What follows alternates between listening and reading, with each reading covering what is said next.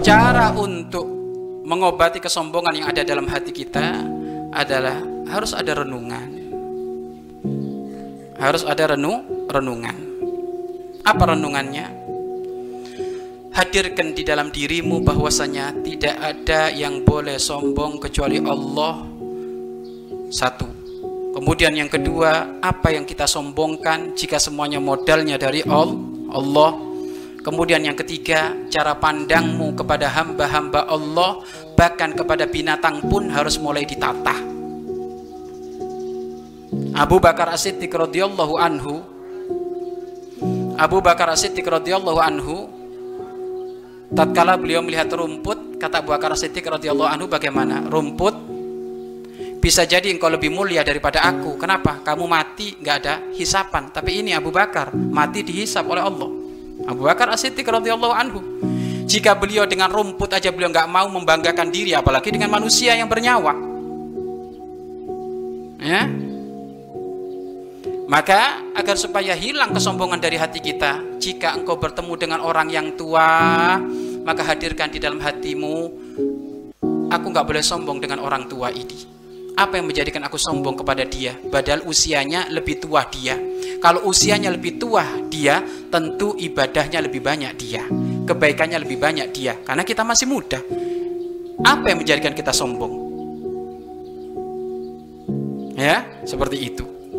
Kalau kamu ketemu dengan anak muda, sedangkan kamu sudah mulai tua, maka pun kamu nggak boleh sombong.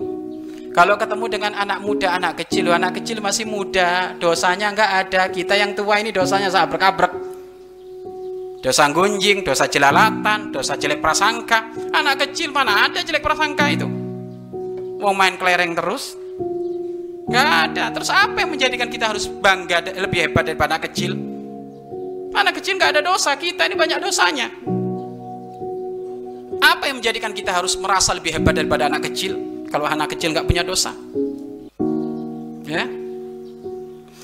Kemudian kalau kamu melihat orang kaya raya, ya, kalau kamu melihat orang kaya raya, maka katakan, ya, apa yang menjadikan aku sombong dengan orang kaya raya ini? Dia dikasih kelebihan oleh Allah harta bisa infak sedekah, kebaikannya banyak, nggak ada perlunya.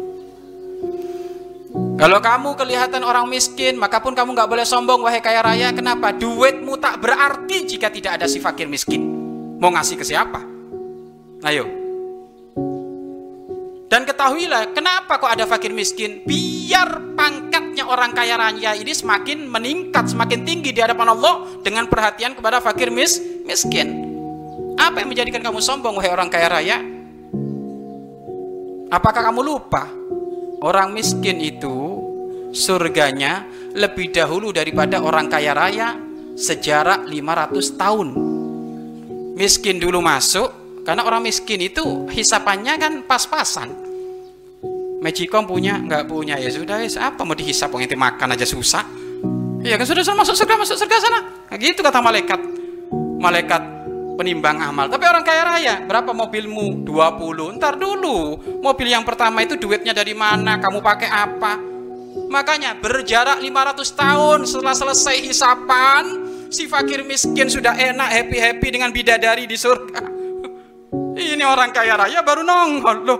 Iya baru selesai hitung-hitungannya. Makanya hal apa yang menjadikan kita harus bangga dengan dengan fakir miskin? Hei kaya raya,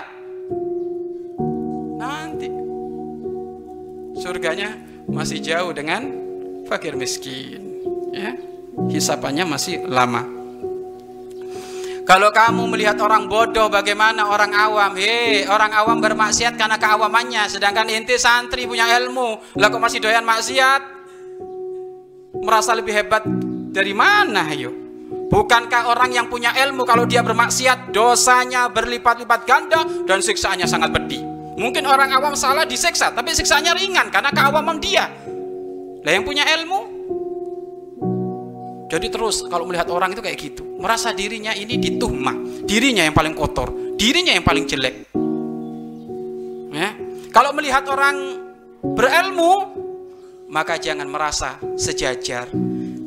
Dia adalah orang yang diberi anugerah oleh Allah di dalam hatinya keilmuan, ngerti akhlak, ngerti syariat, Ada cahaya keilmuan yang ditempelkan oleh Allah di dalam hatinya. Maka jangan pernah, pernah merasa sebanding kau dengan para ulama. Karena ulama di dalam hatinya ada ilmu dekat kepada Allah Subhanahu wa taala. Lah seperti inilah cara kita mengobati kesombongan di dalam hati kita. Biasakan kita kalau bertemu dengan siapa pun merasa diri kita paling paling rendah. Ya, paling rendah agar supaya tidak ada kesombong kesombongan. Agar supaya tidak ada kesombong kesombongan.